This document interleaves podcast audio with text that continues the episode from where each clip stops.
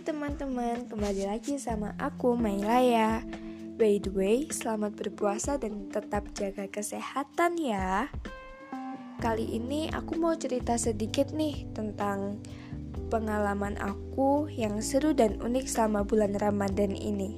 Salah satunya adalah ikut pembinaan KSN KSN adalah kompetisi sains nasional di mana di dalam itu ada tiga mapel yang diperlombakan yaitu mapel mat, IPA dan IPS.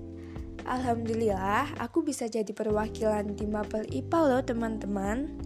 Di sana aku dikasih tes soal, kemudian pertanyaan-pertanyaan, materi, dan pembahasan yang unik. Aku seneng banget bisa ikut dan jadi perwakilan karena di sana aku bisa dapat banyak pengalaman dan banyak dapat teman. Walaupun di bulan puasa gini, semangat aku gak berkurang loh ketika ikut KSN tersebut. Sekian dulu ya teman-teman cerita aku. Terima kasih sudah mendengarkan. See you.